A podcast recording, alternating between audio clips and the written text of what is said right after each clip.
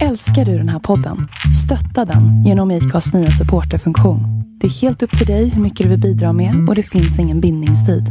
Klicka på länken i poddbeskrivningen för att visa din uppskattning och stötta podden. Välkommen till podcasten Retail Initiative. Podcasten där jag träffar inspirerande och modiga ledare med fantastiska berättelser. Vi kurerar bland historierna och delar lärdomarna från deras resor.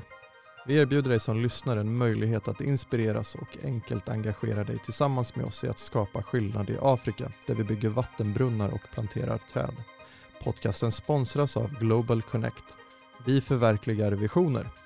Global Connect erbjuder en digital infrastruktur som möjliggör för företag, organisationer och samhällen att fungera i en allt mer uppkopplad verklighet.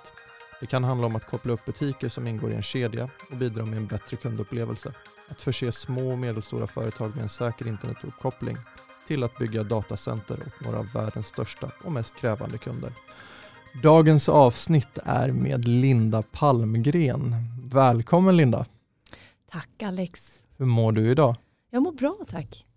Hur skulle du beskriva dig själv med tre ord? Oj. Um, nyfiken, lösningsorienterad och eh, målmedveten kanske. Spännande. Varför har du valt just de här tre orden? Jag tror att eh, det är paket, mig, mig en paketering på något vis. Att nyfikenheten alltid drivit mig framåt. Eh, att jag alltid är lösningsfokuserad handlar ju om att eh, någonstans eh, skapa resultat och hitta möjligheter och nya vägar. Eh, och det är väl en del i det som har tagit mig framåt och till där jag är idag. Just det. Um, hur skulle du beskriva, du är idag på ett företag som heter Bauer Media. Mm. Hur skulle du beskriva det för någon som inte känner till er? Vi på Bauer Media är ju Sveriges största audiohus. Vi når eh, mer än fem miljoner lyssnare varje vecka genom våra radiokanaler och våra plattformar Podplay och Radioplay. Och radiokanalerna vi har är Mix Megapol, Energy Rock klassiker, Svensk Pop, Lugna klassiker eh, och vinyl. Så, och plus att vi då har en hel del poddar, på tal om poddar, Framgångspodden med Alexander Pärleros. Just det, mm. wow. Um, hur skulle du säga att du ser på mental och fysisk hälsa? Vad betyder det för dig? Det betyder mycket. Jag tror att eh, vi lever i en värld där eh, allt ifrån eh, situationen vi har varit med om det här året, där omvärlden någonstans um, Ehm, utmanar oss. Ehm, så det här hybridsamhället som vi, eller arbetet som vi lever i, där faktiskt arbetet är för många i alla fall som har den privilegiet att kunna jobba hemma. Ehm, att arbetet är en plats, eh, det, är inte en plats vi går till utan det är någonting vi gör. Eh, och för vissa har ju det passat väldigt väl och för andra så är det precis tvärtom beroende på vad man har för eh, situation hemma. Så eh, jag tror att, eh, vår, att vi blir mer pressade, mer oroliga kanske. Eh, jag tror sociala medier också har en förmåga att ehm, ställa högre krav på oss själva. Vi tror att livet är eh, som ett cocktailparty. Men jag tror faktiskt att vi har ehm, eh, någonstans skapat oss en situation där eh, vi lever inte riktigt som, som vi borde. Eh, vi värdesätter och eh, tittar på fel, på fel värden om man säger så. Eh, vilket skapar konsumtion, vilket skapar hets, vilket skapar en eh, känsla av utanförskap och man vill tillhöra, man vill vara en del av en community, men man vill vara inkluderad. Eh, och jag tror att det här utanförskapet på något sätt växer eh, hos människor genom då hälsa på ett eller annat sätt i situationen vi befinner oss i. Hur ska man göra menar du, eller tycker du? Hur gör du för att eh, ta vara på din mentala hälsa om vi börjar där? Eh, jag tror man måste börja inifrån. Jag tycker det är svårt eh, och framförallt eh, tror jag man lär sig medan man går lite grann. Jag tror man har, jag har växt genom tid och erfarenhet. Eh, och jag tycker man blir väldigt medveten om det när man har barn också. Hur man försöker lära dem vad sociala medier är och hur man ska hantera vänskap och hur man ska se på sig själv. Att man ska vara nöjd över sig själv, att unik är fantastiskt. Ehm, men för egen del så har jag nog alltid haft en förmåga att boosta mig själv. Ehm, att försöka se det positiva, det är väl det här nyfikenheten och återigen då lösningsorienterade att, att se möjligheter, att inte göra saker krångligare än vad de är. Ehm, förenkla um, och tro på sin egen förmåga på något vis. Och det, det handlar väl om att bygga sin självkänsla. Mm. Skulle du säga att du har några dagliga rutiner, ritualer, strukturer som du gör för att um, träna ditt, ditt sinne, ditt mindset, din mentala hälsa? Jag tror att jag gör det hela tiden. Jag tror jag, vi lär oss varje dag. Eh, jag brukar summera veckan genom att tänka vad jag har lärt mig den här veckan.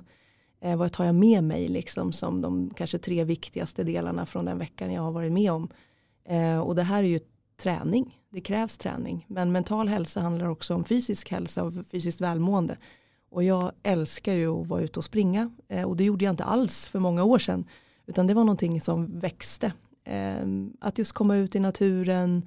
Eh, det blir lite min meditation att vara ute i löpspåret eller att vara eh, springa trail då, ute i skogen. Eh, och bara få möjlighet att reflektera. Och jag tror faktiskt att det på tal om hälsa är en oerhörd ehm, eh, alltså att vi är lite eftersatta kring reflektion för tempot ökar, allt går fort. Eh, man glömmer bort att ta sig tid att reflektera och när du reflekterar får du också en chans att återhämta dig och ge dig själv då den här boosten som du har behov av. Så det tror mm. jag kanske är en, en eh, möjlighet då för människor att mm. faktiskt ta tillvara på, ta tillvara på mm, reflektion och ta tid för det. Jag håller helt med dig och jag, jag kan ju se alltså, om man tänker meditation och om man tänker just mindfulness, alltså de fenomenen eller, eller de, i alla fall områdena har ju blivit mycket mer populära på senare tid. Jag minns för ett par år sedan eh, när jag jobbade på ett större bolag och vi då införde eh, Mindful Mondays, vi införde gemensam meditation hela avdelningen.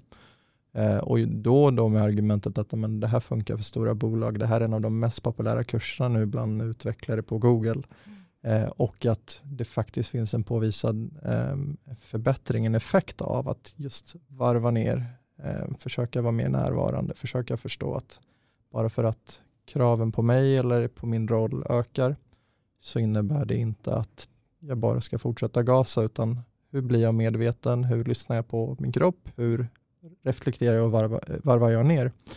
Eh, och jag själv springer också så jag tycker det är, jag tycker det är intressant därför att för vissa människor när de springer så har de en möjlighet att reflektera. Eh, samtidigt för andra så eh, kanske man inte vill tänka så mycket utan lyssna på något eller vad är viktigt för dig när du springer? Vad känner du att eh, du får ut av det? Ja, men, eh, framförallt så känslan av att känna mig stark och frisk tror jag. Um, och jag tror att det här hänger ihop. Alltså den fysiska välmåendet och den fysiska styrkan, att du känner det, um, gör ju också att du får ett mentalt lugn tror jag. Det hänger samman, så, och det är väl bevisat det också. Eh, men eh, jag som sagt, jag får med mig att jag, jag, kan springa och egentligen inte ens komma ihåg vart jag har sprungit utan det, är liksom, det blir någon form av meditation och jag funderar mycket och hur den eh, vad jag än har tänkt så många lösningar kommer ju genom att jag har varit ute och sprungit. Eh, att jag landar i svar, eh, funderingar, utmaningar, frågeställningar eh, inför svårare situationer. Ehm, när jag liksom har parkerat saker och sen ute i skogen så helt plötsligt har jag kommit fram till vad jag faktiskt har för åsikt. Eller ehm, kanske någon väg framåt. Då. Så att det, det hjälper mycket skulle jag säga. Mm. Jag vet exakt vad du menar, det är så läckert. Ja. Eh, jag förstår den känslan. Eh, ja, eh, och har du någon app eller någonting när du springer eller försöker du hålla någon form av statistik på hur ofta eller hur långt eller hur snabbt eller försöker, gillar du liksom följa data på det sättet? Ja, jag kan säga att jag är ju rätt tävlingsinriktad så att jag har liksom utmanat mig själv med att försöka bara springa för att det är skönt. Eh, så jag försöker undvika pulsklockor och annat men jag hade det under en period ehm, men då blev det så mycket jakt på tid och jakt på annat. Så nu försöker jag koppla bort det. Men man har ju stegräknare i om det är en Apple Watch eller om du har en app. Nu kör vi faktiskt på, på Bauer Media så har vi en liten utmaning med en app som heter Tappa. Som eh, superkul där vi utmanar varandra att vi ska vara aktiva minst 10 000 steg per dag under hela eller ja, december och till sista januari. Så då kan vi dessutom följa varandras utveckling, att man faktiskt har varit ute och rört på sig på det sätt som man kanske trivs med mest. Just det. Ja, men bra initiativ. Um, kan inte du berätta lite om din resa? Vart började den och när? Ja, jag är från Norrköping så den började, jag vet inte hur långt bak jag ska gå. Eh, men, ehm, ja, men jag tror att jag har, eh, jag har ju alltid jobbat. Eh, jag började väldigt ung, plocka jordgubbar, vill klara mig själv. Ehm, liksom, så jag, jag, är, jag har alltid haft det där drivet på något sätt. Då. Men eh, det, min resa rent professionellt tror jag började när jag började på kommersiell radio i Norrköping. Vad pluggar du förresten? Jag gick, eh, ja, innan så gick jag gymnasiet men sen har jag pluggat på IOM och är då eh, ekonom då, mm. eh, marknadsekonom. Ja. Men ehm, det började ju med att jag någonstans eh, ja, fick ett brinnande intresse och faktiskt ett tips eh, som var att om du vill bli, bli om du blir bra på försäljning så kan du bli vad du vill. och det där rådet tog jag faktiskt med mig. Um, så jag tror att det handlar ju om att försäljning kan för många ses som någonting fult kanske. Uh, inte längre men det har i alla fall växt fram tror jag. Uh, men att just det att skapa värde uh, och hur vi förtjänar det vi önskar och har som mål. Och det handlar ju någonstans om att vara relevanta. Um, så det här med försäljning tog jag med mig att göra affärer och sen har jag liksom växt med det tror jag. Men jag jobbade på kommersiell radio i Norrköping, jag flyttade till Stockholm och började på kommersiell radio. Så jag har ju liksom börjat där eh, i min resa och var inom samma bolag på, i tio års tid ehm, med massa olika typer av möjligheter. Ehm, och eh, sista åren var jag ansvarig för försäljningen på nordisk nivå när jag lämnade så gick jag in i reklambyråvärlden och det var där också jag fick mitt första vd-jobb eh, på en reklambyrå utan att ha jobbat på reklambyrå tidigare. Det var utmanande och härligt. um, så jag var sex år på reklambyrå um, och sen så startade jag en verksamhet inom influencer marketing. Uh, vilket var oerhört kul att få den här entreprenöriella uh, delen även om jag inte startade bolaget själv utan med andra möjligheter. Då. Uh, så ska, startade jag från scratch och byggde upp ett företag med allt vad det innebär. Och nästa möjlighet blev ju då eh, efter det att också få ta mig an styrelseuppdraget för Stadium. Eh, vilket jag är oerhört stolt över. Eh, det är ett fantastiskt företag med en enormt stark både försäljningskultur men stark kultur och entreprenöriell anda. Eh, så där har jag både fått med mig eh, ett otroligt nätverk men också mycket kunskap, erfarenhet och, och lär mig varje dag mm. tycker jag. Um, och sen fick jag möjligheten att bli vd då för Starcom och då var det ett nytt, en ny möjlighet eftersom jag aldrig hade jobbat på mediebyrå tidigare heller. Uh, så oerhört spännande och även ansvarig för growth eller utveckling då på Publicis Group. Um, och där fick jag också styrelseuppdraget för IAB och uh, Sveriges marknadsförbund. Så det är väl komprimerat min resa. Snyggt. um, vi pratar om försäljning. Ja. Eh, vi hade ett avsnitt eh, tidigare som, eh, med Max Stjernfeldt där okay. vi pratade just om eh, försäljning och den här ehm, stereotypen, mm. eller den mm. stereotypa säljaren. Vi pratade då om, om bilsäljaren, men just försäljning som inte erbjuder värde, försäljning som kan upp, uppfattas som krängande.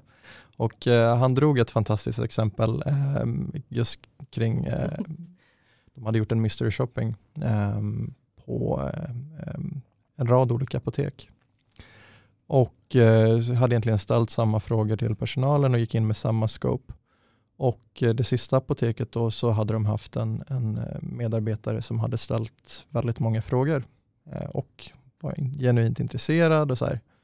Och ehm, jag tror att genomsnittskvittot då på alla apotek, på 14 av 15 apotek var typ 60 kronor. Det var ett paket Alvedon eller, eller liknande.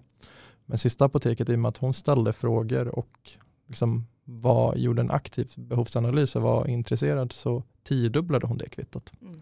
Utan att uppfattas som kräng. Så att, eh, I och med att försäljning i grund och botten för mig handlar om att lösa ett problem eh, så kan jag idag bli väldigt glad när allt fler tar med sig den att man är stolt att man jobbar med försäljning, man inser att försäljning kanske är det viktigaste för ett företag mm.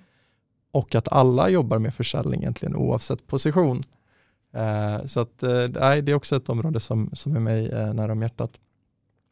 Ehm, Stadium. Eh, Stadium är ett fantastiskt företag och gör en otrolig resa, har väldigt kompetent folk. Ehm, vad är dina lärdomar so far från, från Stadium och deras transformationsarbete? Framförallt då i och med att de behöver förhålla sig till online och offline. Mm. Eh, ja, men framförallt visionen då att man ska aktivera världen idag och imorgon. Eh, någonstans bottnar väl allting i entreprenörskapet. Jag tycker att det är en fantastisk, eh, det är fantastiskt att se att någonstans att långsiktigheten lönar sig. För det eh, arbete, det är ett hårt arbete bakom och också en otrolig passion. Vilket man märker i, liksom det sitter i väggarna, det sitter i kulturen och som jag sa den är otroligt stark och också väldigt försäljningsdriven. Jag minns första mötet jag hade i Norrköping på huvudkontoret eh, och Kalle Eklöf då som är vd eh, och också en av ägarna i bolaget såklart. Eh, vi gick runt i lokalen och den första personen vi träffade som inte alls jobbade med, med försäljning utan faktiskt på, på marknadsavdelningen. Det första frågan han sa var hur gick försäljningen i helgen? Det var liksom första frågan en måndag morgon och um, det tycker jag någonstans svarar upp för just eh, som du var inne på liksom att det berör allt. Eh, det är det det handlar om någonstans att skapa värde, generera värde.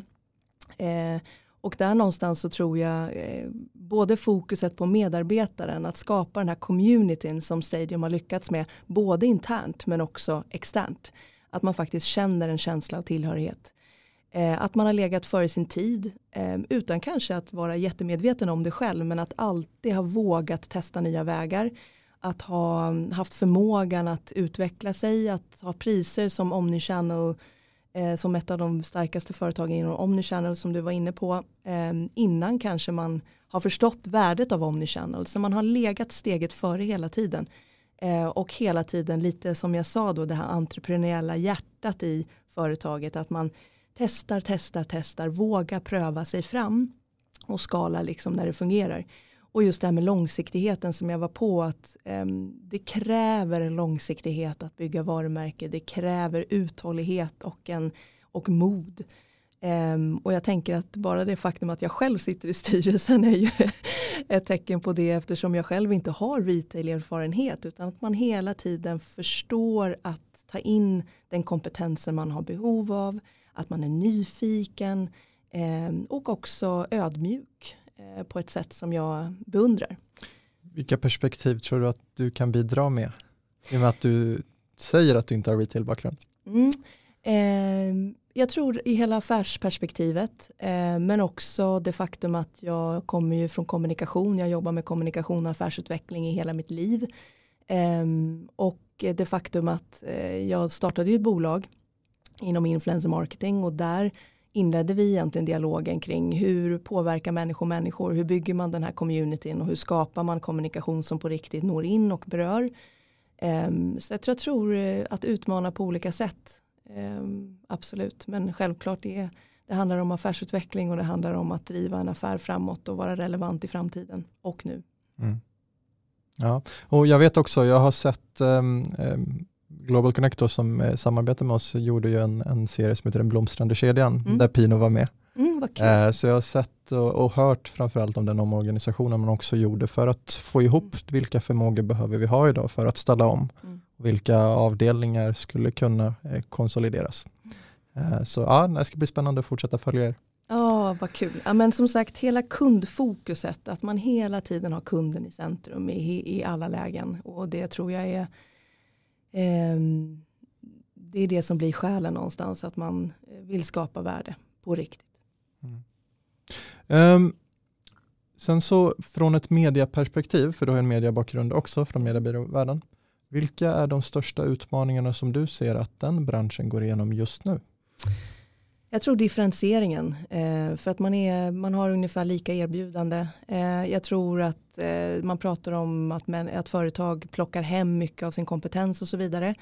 Eh, jag tror att det finns ett behov av mediebyrån, byråns värld fortsatt och den kompetensen. Och jag måste säga att jag är oerhört tacksam för att jag har, har liksom fått den möjligheten att jobba på mediebyrå. För har man jobbat på media eller reklambyrå då har man väldigt mycket åsikter om mediebyråns byråns, eh, verklighet.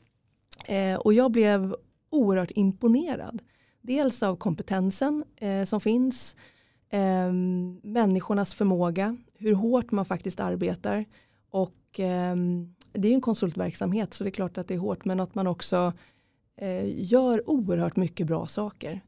Och det som varumärken och företag får med sig är ju ehm, eh, ett annat perspektiv tror jag. Eh, att liksom ha inhouseavdelningar och jobba internt det är ju starkt på vissa sätt när det berör vissa typer av kompetenser.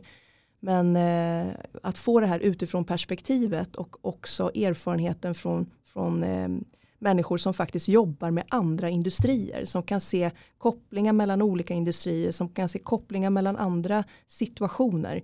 För jag tror att annars blir det så otroligt inifrån, det blir ett inifrån perspektiv.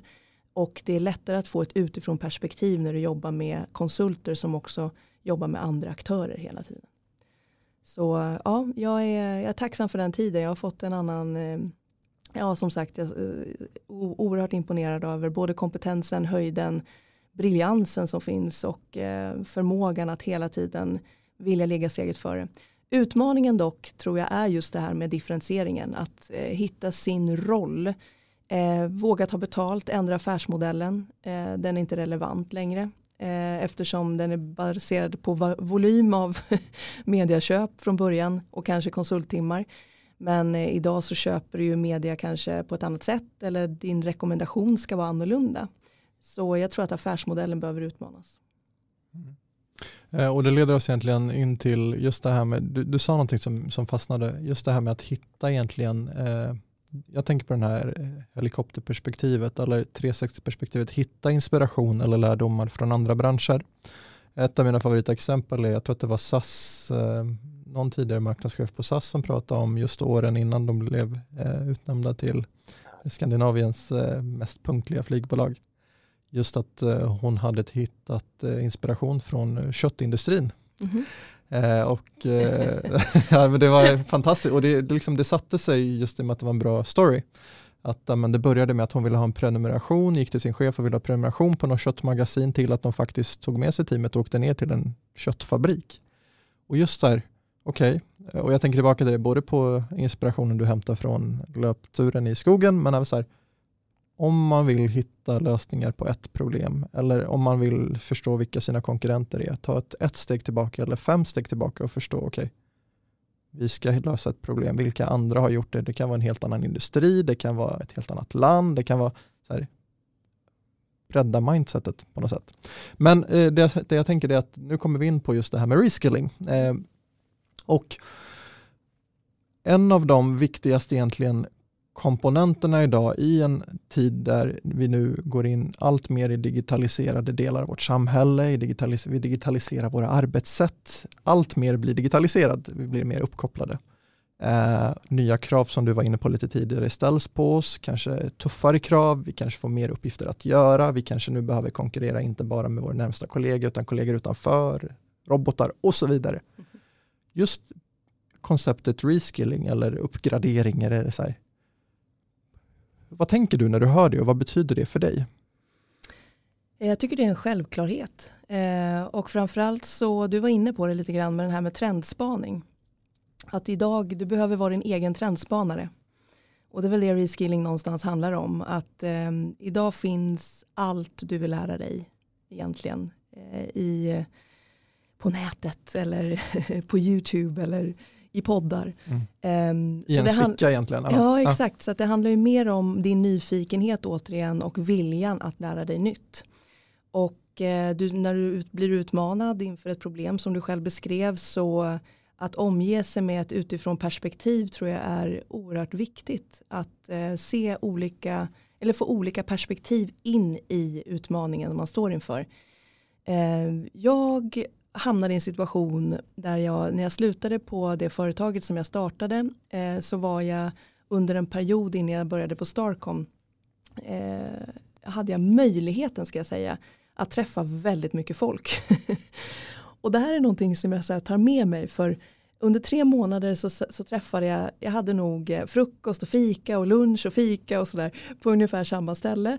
Men jag träffade väldigt mycket människor och jag sa till mig själv att det här ska jag inte sluta med. Eh, för att få människors input från olika branscher, från olika industrier, från olika roller, olika bakgrund. Det ger nya perspektiv. Eh, och jag tror att det reskilling egentligen handlar om det är att, att ge både om du har ett team eller anställda, att ge människor den energin att vilja utvecklas. Men också förutsättningarna för det och kanske till och med schemaläggare. Men eh, jag tycker det handlar om trendspaning, liksom, att vara lyhörd. Eh, vi behöver liksom andras input för att utvecklas. Mm. Jag tror att det är så enkelt. Ja, och du precis, alltså, både på individnivå, hur hittar jag sätt som funkar för att jag ska hitta den här nyfikenheten eller den här passionen i att vilja lära mig mer, vilja lära mig nytt, vilja bli ännu mer skillad i det jag gör. Men också hur får jag som organisation, hur möjliggör jag för mitt team, mitt, mina medarbetare, mitt bolag att vi ska vara relevanta. Eh, apropå det du mm. nämnde med mediebranschen, men egentligen alla branscher på, genomför ju, eller genomgår någon form av eh, förändring, vissa mycket tyngre än andra. Så att, hur ställer vi om som bolag kan ju bli avgörande om vi finns kvar. Mm, absolut. Men jag tycker det här också leder mig in på självledarskapet. Eh, att just det här att om du inte kan leda dig själv så kan ju ingen annan göra det heller. Eh, och där tror jag att om jag tittar tillbaka på hela min resa eh, så handlar det någonstans om ett självledarskap.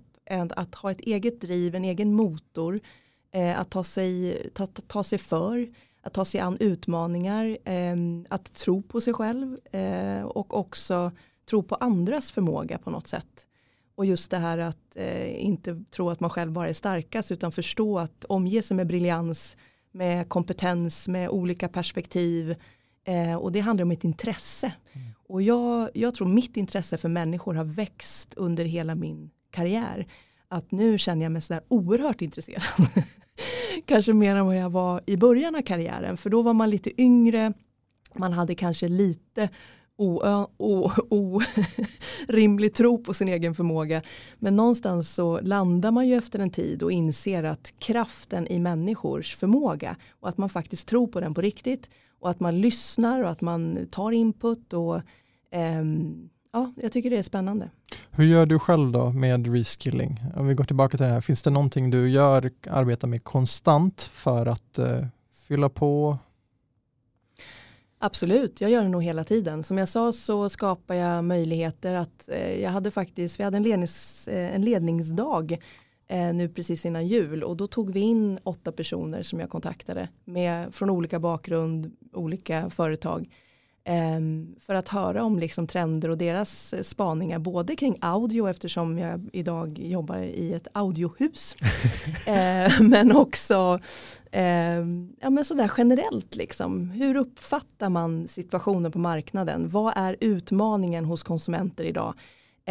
Cross industry. Ja exakt. Och jag tror också det handlar om att eh, alla slåss om människors tid det spelar ingen roll om du vill sälja produkter, tjänster eller om du vill att man ska lyssna på din podcast eller på våra radiokanaler utan eh, du slåss om människors tid och då handlar det om att skapa värde eh, och eh, att man förstår då eh, här, ju mer kunskap du har om, en, om, om målgruppen ju mer du känner till om människor och människors förmåga, önskan eh, och ligga lite steget före det är ju det det handlar om någonstans för att också vara relevant som du var på och skapa värde.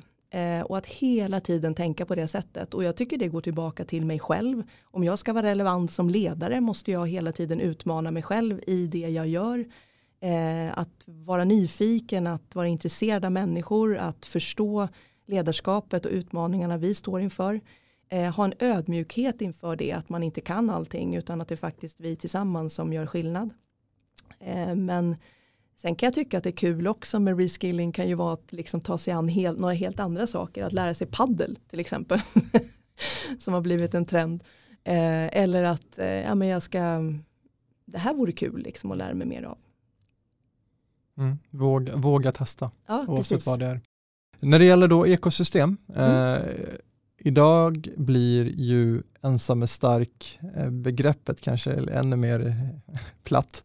Eh, vi, vi märker att det, det, pågår och egentligen initieras samarbeten också tvärfunktionellt, både internt och externt. Vi ser samarbeten mellan eh, olika företag, vi ser att även leverantörer börjar bygga upp, eller bygga upp, men börjar etablera nätverk där man hjälps åt. Mm. Um, vi pratar om att vissa branscher då behöver ställa om, mm. kanske förstå vilket ekosystem de verkar inom eller skapa ett.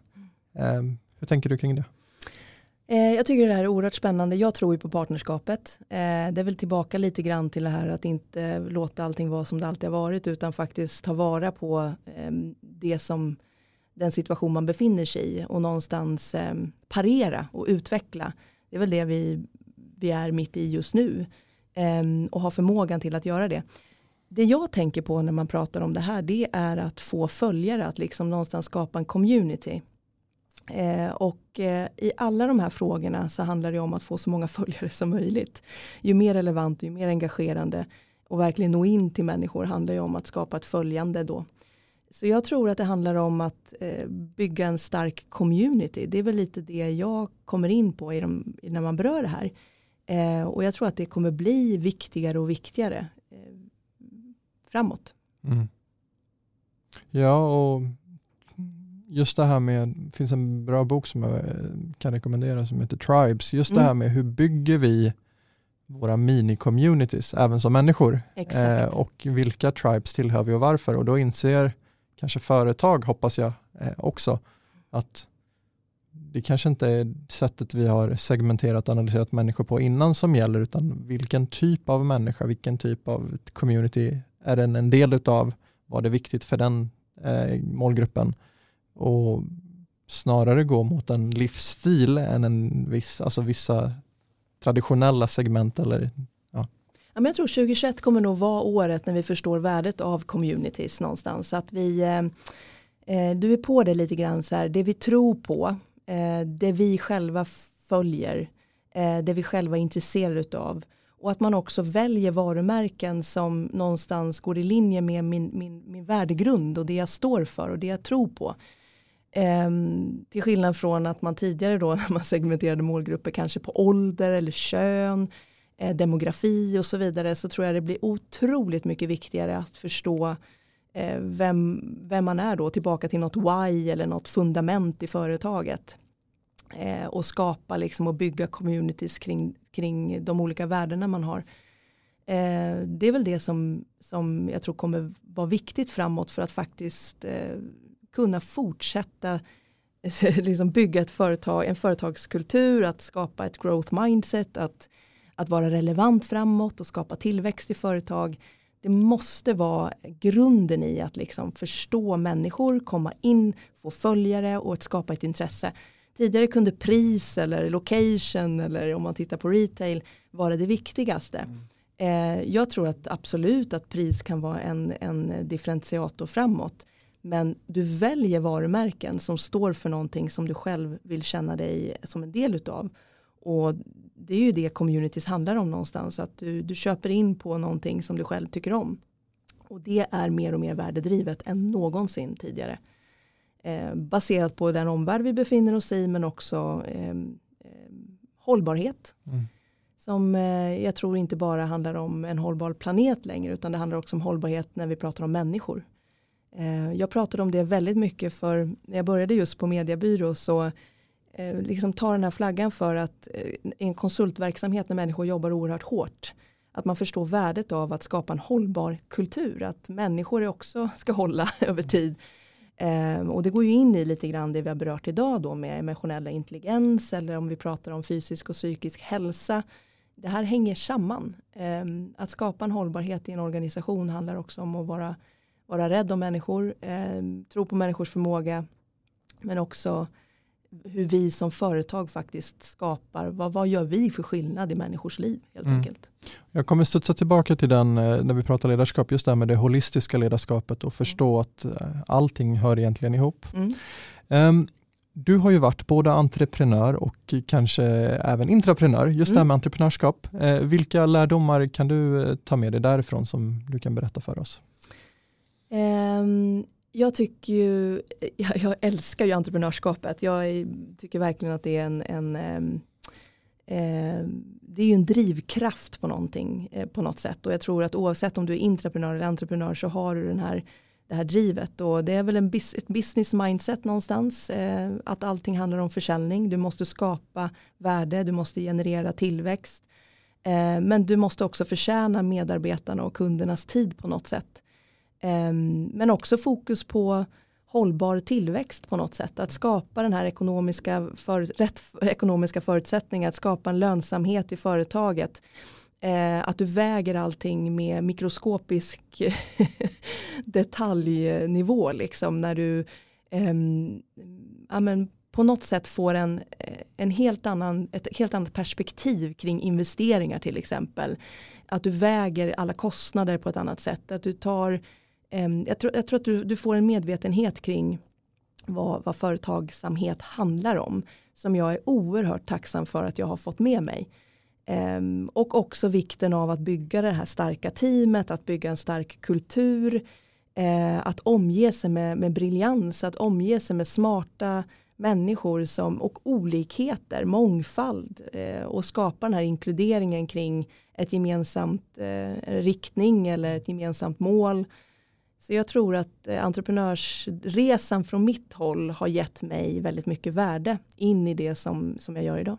Och hur skulle du översätta den för eh, intraprenörskap eller om man är en del av någonting större? Hur kan man ändå aktivera dem, egentligen det underliggande, alltså om, om vi hittar några gemensamma nämnare för entreprenörskap och intraprenörskap, du mm. nämner det, just det här med att förstå affären, mm. förstå eh, vart pengarna går, mm. vrida och vända sig. Mm. På vilket sätt utifrån dina roller eh, kan, kan du ta några lärdomar från just vad gör en sann intraprenör? Ehm, jag tror modet, eh, uthålligheten, flexibiliteten på något sätt, att hela tiden våga utmana. Jag nämnde det lite grann när vi pratade om Stadium, att hela tiden agera som att man ehm, är liten. Eh, att våga testa sig fram, att göra väldigt mycket. Actions äter alltid frukost på något sätt. Så här, gör mycket saker mm. Ehm, och skala när det fungerar. Alltså det är ett entreprenöriellt mindset. Och det tror jag är viktigt att ha med sig i, i oavsett storlek på företag. Och det tror jag att jag har fått med mig väldigt mycket av. Eh, både genom att vara en del av Stadium men också det, den resan jag har fått gjort som, eh, som entreprenör. Mm. Eh, och det tror jag är viktigt att ha med sig. Att ingenting är konstant. um, Läskigt ord, eller hur? något. um, känner du till begreppet job to be done? Ja. Eh, om, vi, om vi pratar om värde igen, egentligen, det, mm. det är vad det handlar om mm. Eh, för mig. Um, och just Job to be done-konceptet utvecklat av uh, Harvard-professorn Clayton Christensen, mm. jättemånga, jag tror att det är 30 år nu, uh, så har funnits med ganska länge. Um, har varit hippt i perioder, årets ord några gånger, väldigt populärt bland managementkonsulter. Men om vi pratar just kring ordet, eller begreppet job to be done, mm. Eh, och för alla som inte har hört det här begreppet innan så eh, rekommenderar jag verkligen att man, eh, man söker om Job to be done på YouTube och eh, lyssnar igenom McDonalds-exemplet som är helt underbart. Um, när det handlar om att skapa värde för kunden eh, och inse okay, varför använder kunden mig eller varför köper kunden min produkt eller min tjänst och vad konkurrerar vi med? Um, på vilket sätt kan företag, eh, tycker du, använda sig av det här begreppet eller det här ramverket istället för det vi pratar om traditionellt sett med målgrupper och alltså mm. typer av kunder som är redan eh, segmenterade. Mm. Eh, vi har ju berört det lite grann tänker jag under samtalet vi har haft egentligen men eh, omvärlden någonstans justerar ju våra omständ att omvärlden justerar våra omständigheter någonstans det är ju efter det här året tror jag bevisat igen. Eh, och jag tänker på så här, har vi någonsin gått tillbaka efter en kris? Det har vi ju inte, utan nya möjligheter öppnar sig och eh, de stora pröv den stora prövningen är väl mer en fråga om hur vi lyckas parera situationer som uppstår tänker jag. Och då är det tillbaka till att eh, en fråga om mindset. Att vi, eh, att vi bemöter situationen och förädlar situationen som är på något vis. Och givet erfarenheten vi tar med oss in men också hela tiden har ett annat perspektiv på saker.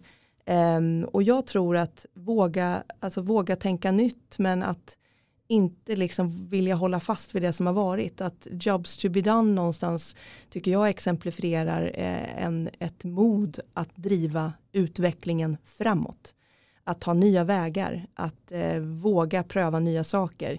Eh, att eh, det är okej okay att det inte blir som man har tänkt sig. Eh, att den vägen vi har valt kanske inte är helt rätt. Men jag har lärt mig något nytt under den resan så att nu kan jag ta en annan riktning.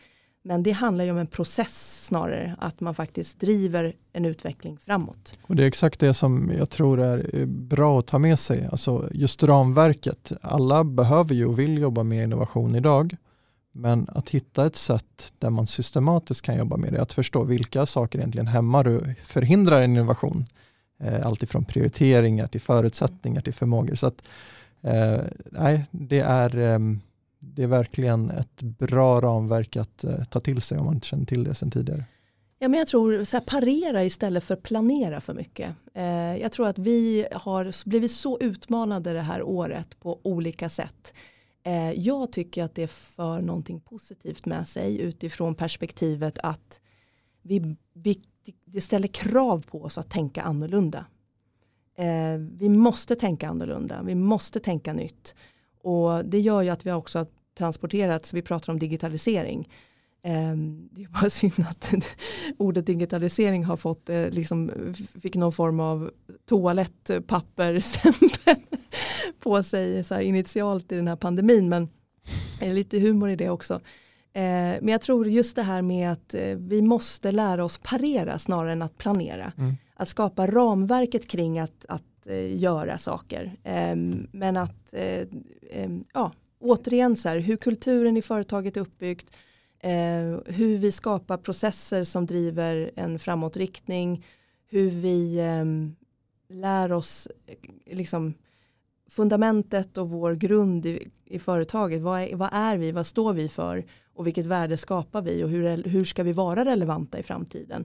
Men att det blir en process som någonstans ska ta oss framåt och den processen kan se ut på olika sätt. Mm.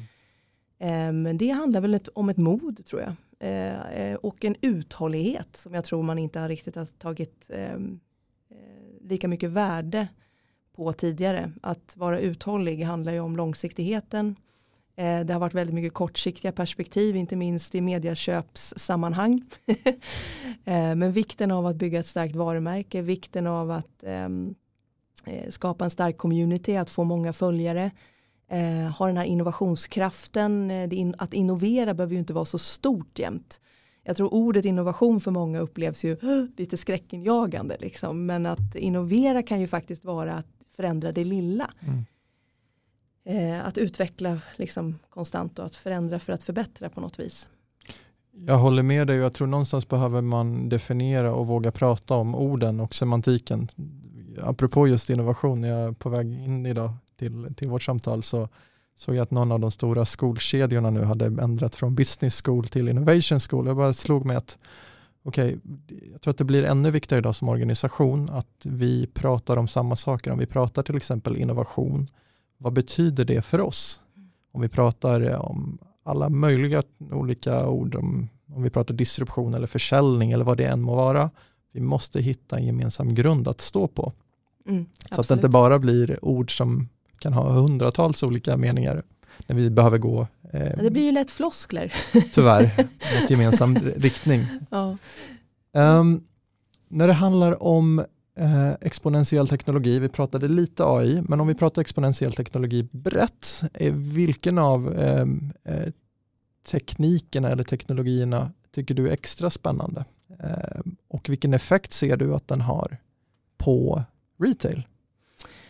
Eh, stor fråga. Eh, jag tror att eh, vi pratar tech väldigt mycket. Jag tror vi kommer att prata mer AI framåt och jag tror det är där vi bottnar tillbaka till. Och AI tar sig uttryck på olika sätt men eh, att skapa värde för kunden. Hur skapar vi större värde för kunden genom data och genom teknologi är väl egentligen den stora frågan.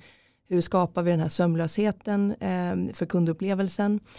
Hur möter vi kunden liksom i alla olika touchpoints under kundresan på olika sätt. Eh, vi var inne på målgrupper tidigare, liksom, hur lär vi oss mer om människor genom eh, data och artific artificiell intelligens. Men eh, det är ju allt från liksom chattbotar till eh, eh, rekryteringsrobotar eh, tänker jag. Liksom. HR tror jag kommer få en, en större möjlighet genom data. Digitala medarbetare kanske, digitala kundtjänster. Eh, jag tror att vi kommer se en utveckling som, som eh, kommer göra oss gott. Ehm, men det, det finns ju också mörka sidor kring den här utvecklingen om det hamnar kanske i fel händer. Men eh, om vi ska vara optimistiska och positiva så tror jag på den utvecklingen som sker just nu. Och jag tror vi kommer prata mycket, mycket mer eh, AI framåt och framförallt så här hybriden. Vi pratar hybrid i arbetsklimat eh, idag, det vill säga hybrid på arbetsplatsen. Mm. Eh, att vi, eh, att hur vi rör oss i samhället, att vi tidigare satt i trafikkör klockan åtta på morgonen Hur vi skulle till jobbet. Idag så varför, varför inte vara hemma i, i två timmar och liksom ta lite möten på, på Teams till exempel eller Google Hangout eh, innan du åker in till kontoret och liksom både så minska stressen, eh, tillbaka till hållbarhet och, och eh, välmående och sen dessutom kunna koppla in det digitala eh, när du har behov av det och framförallt vad det kan få skapa för värde för företaget. Eh, jag tror vi kommer se en stor utveckling inom det området.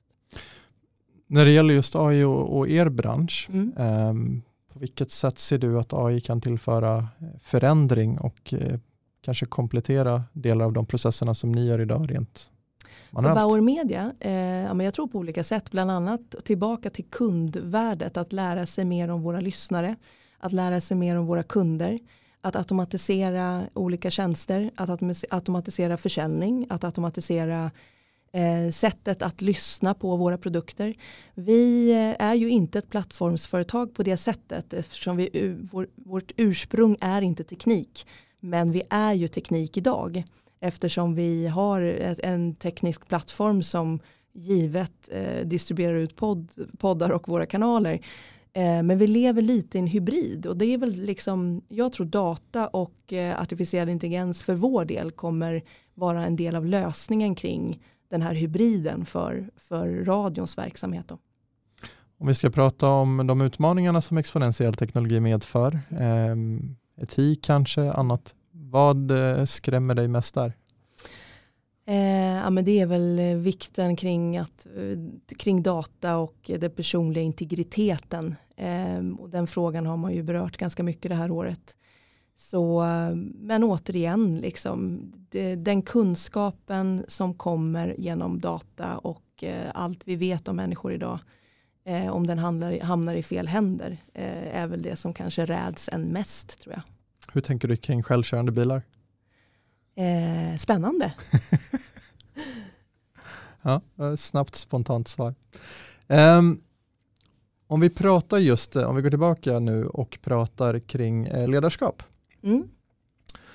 Um, utöver då ett självledarskap, hur tror du att människor i din omgivning skulle beskriva dig som ledare?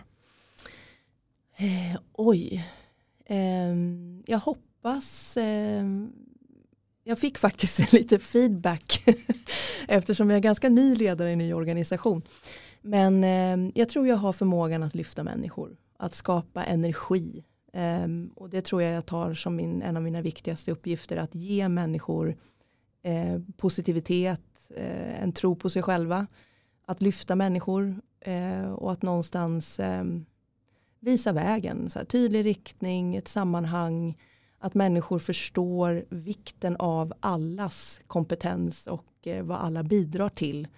Eh, gemenskapen tror jag Eh, det här tillsammans eh, är viktigt och eh, det är väl någonting jag hoppas att jag bidrar med i alla fall. Och jag känner av din energi i rummet, den är upplyftande. Verkligen. Ehm, och hur skulle du själv eh, beskriva din ledarstil? Vad eh, är viktigt för dig som ledare? Ja, men jag sa ju det tidigare, att tro på människors förmåga. Eh, att vara tydlig, jag tror på att göra, att hela tiden som ledare visa vägen. Det är lite som med barn. Barn gör inte som man säger, de gör som man gör. Jag, jag tror på samma sak i det här fallet. Det är människor vi jobbar med. Eh, jag är nog väldigt ödmjuk. Samtidigt säkerligen, jag är målmedveten så jag kanske springer lite fort emellanåt liksom och har lärt mig av det. Att försöka stanna upp men samtidigt så vet vi att eh, försöka få med sig människor på det, i det tempot. Jag, jag tror att vi människor gillar utmaningar.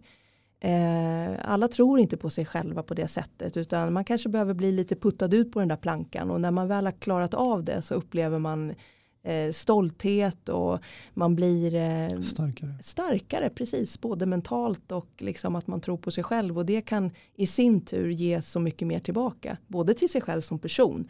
Men jag tror att för mig som ledare handlar det om att skapa, eh, att ge människor, inte bara i sitt arbete utan en, en eh, att på något sätt lyfta människor eh, på ett positivt sätt. Oavsett om det är jobbet eller privat utan stärka personer helt enkelt.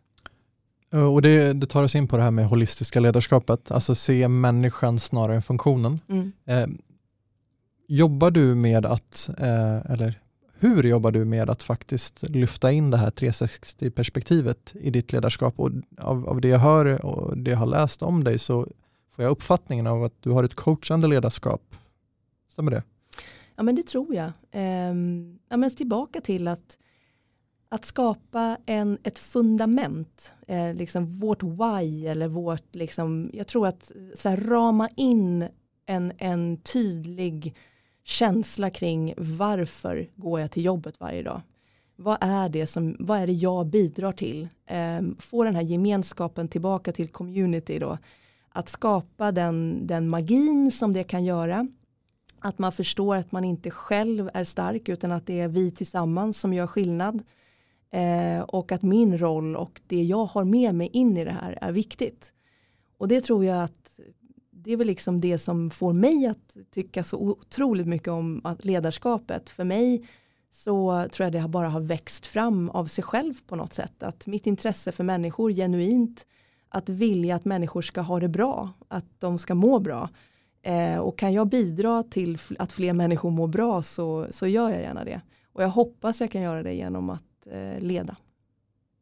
Just det, och se kopplingen mellan att människa, det är människan som presterar och om människan mår bra så kommer eh, chanserna för att resultatet blir bra öka.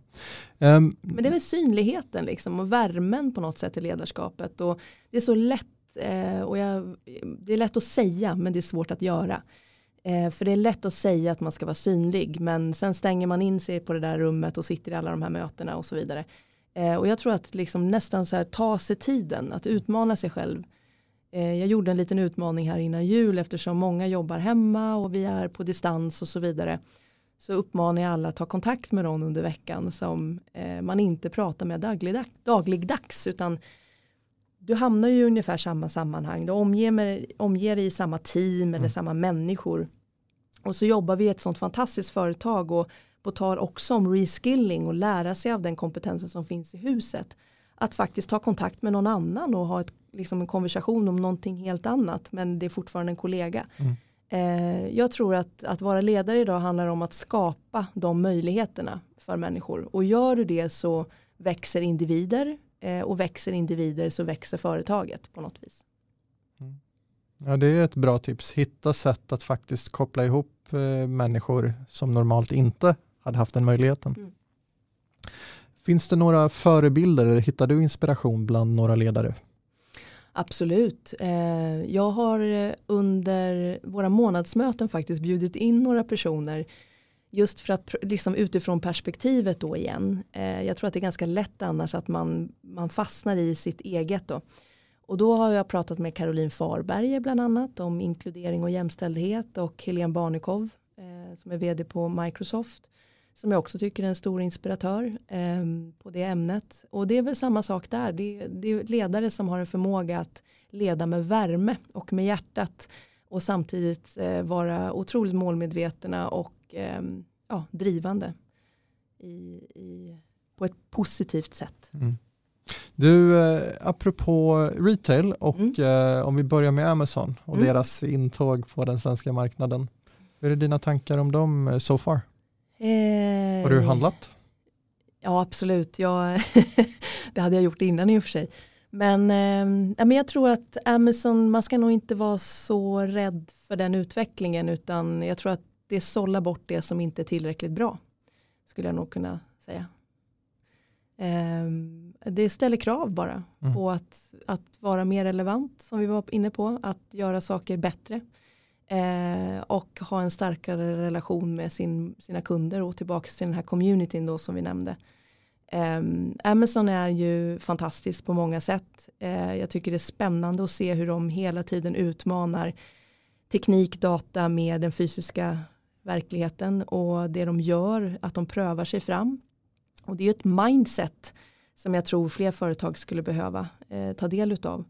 Jag tror vi kommer lära oss massor mm. genom att de kommer hit. Eh, om man tänker på liksom mångfalden inom näringslivet så eh, är det självklart så att det här kommer utmana eh, retail eller hur vi, eh, liksom, hur vi handlar, hur vi köper, hur vi konsumerar. Och ehm, att, att den fysiska butiken kommer finnas kvar det är jag helt säker på men säkerligen i en, i en annan skepnad. Eh, tillbaka till att skapa värde, hållbarhetsfrågan, eh, förmågan att kunna ta del av eh, ja, men om det är liksom Hur ser du på den fysiska butikens roll i en allt mer uppkopplad värld? Men det är tillbaka till kundupplevelsen. Vad skapar vi för, hur relevanta är vi för våra kunder? hur skapar vi den här gemenskapen eh, och vad att få ihop den fysiska och digitala världen är väl det som är liksom eh, 10 miljoner dollars frågan. Eh, den som hade den, det enkla svaret på den frågan. Men däremot, jag tror tillbaka till, till kundupplevelsen, att hela tiden fokus på kunden. Att skapa nytta, att skapa värde, eh, att skapa en upplevelse och tillbaka till värdegrund. Att faktiskt vara att, att tillföra ett värde till människor. Eh, liksom att, vad gör vi för skillnad i människors liv? Tillbaka till det.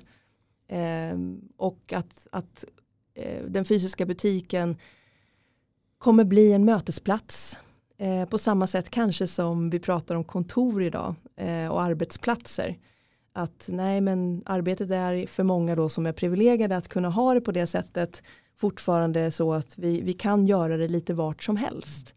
Um, och jag tror även det är samma sak med handeln att vi, ja men det är klart att du kan ju handla vart som helst idag men du kanske ändå väljer att bli inspirerad genom att gå till en plats.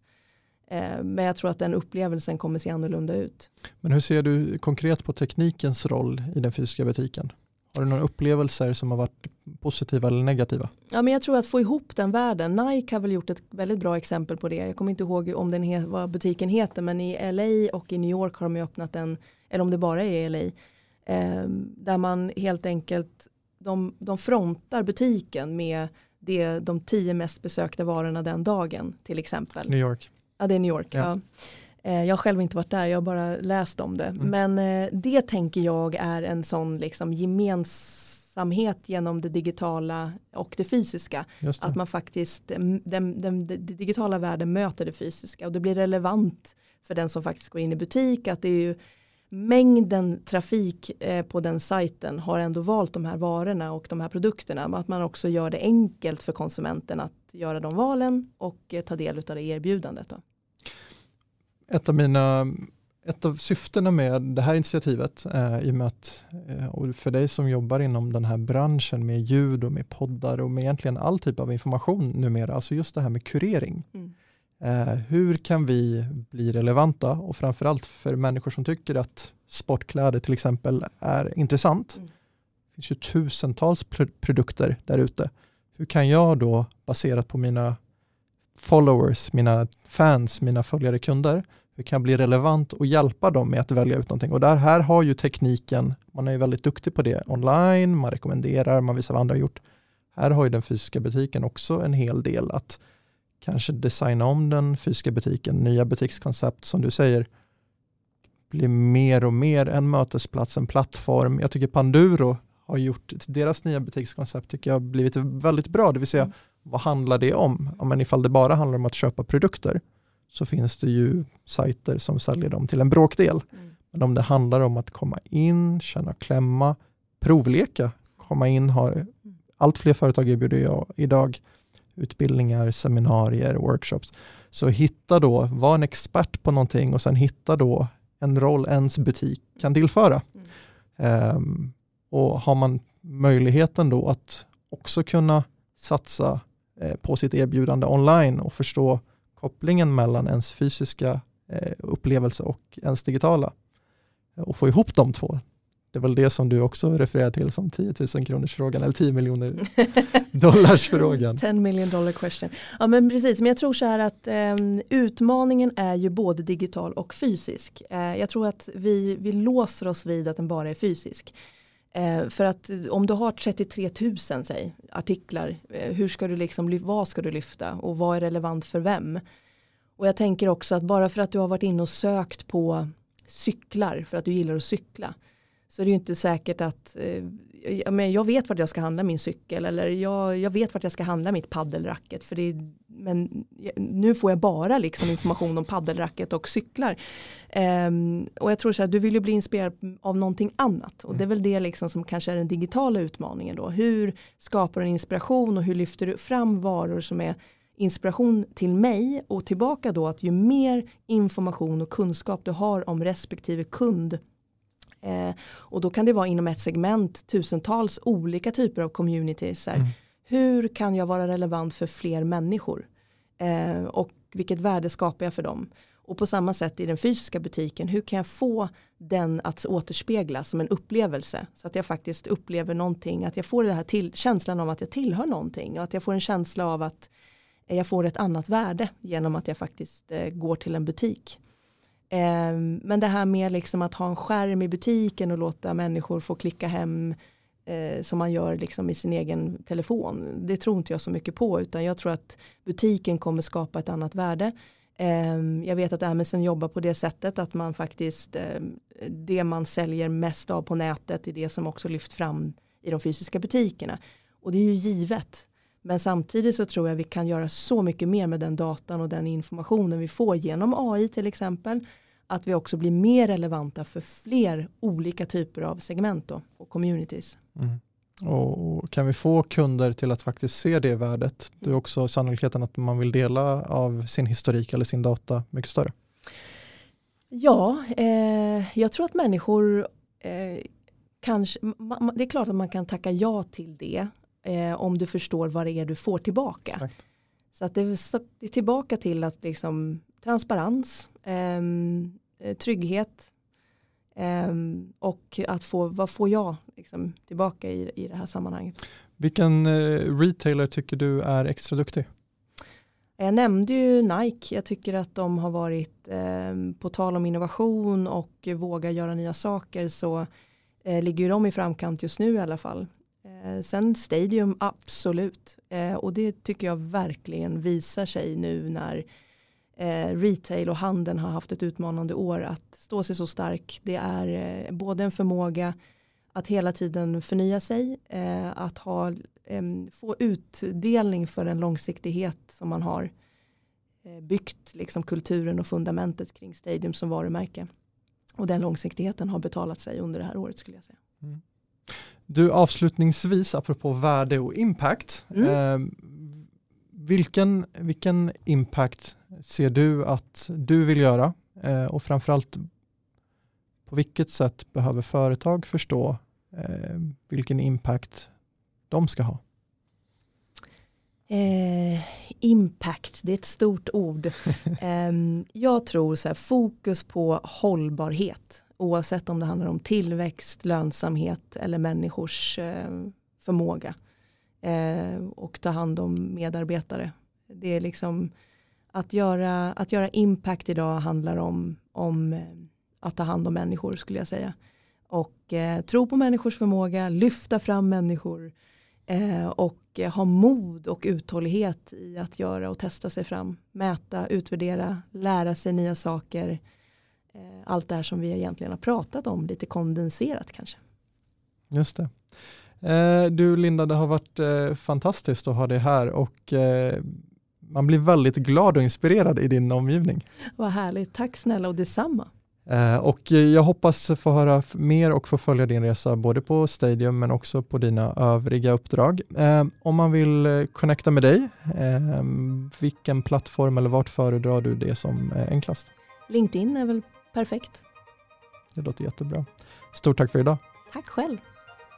Du har lyssnat på Retail Initiative. Podcasten sponsras av Global Connect. Vi förverkligar visioner.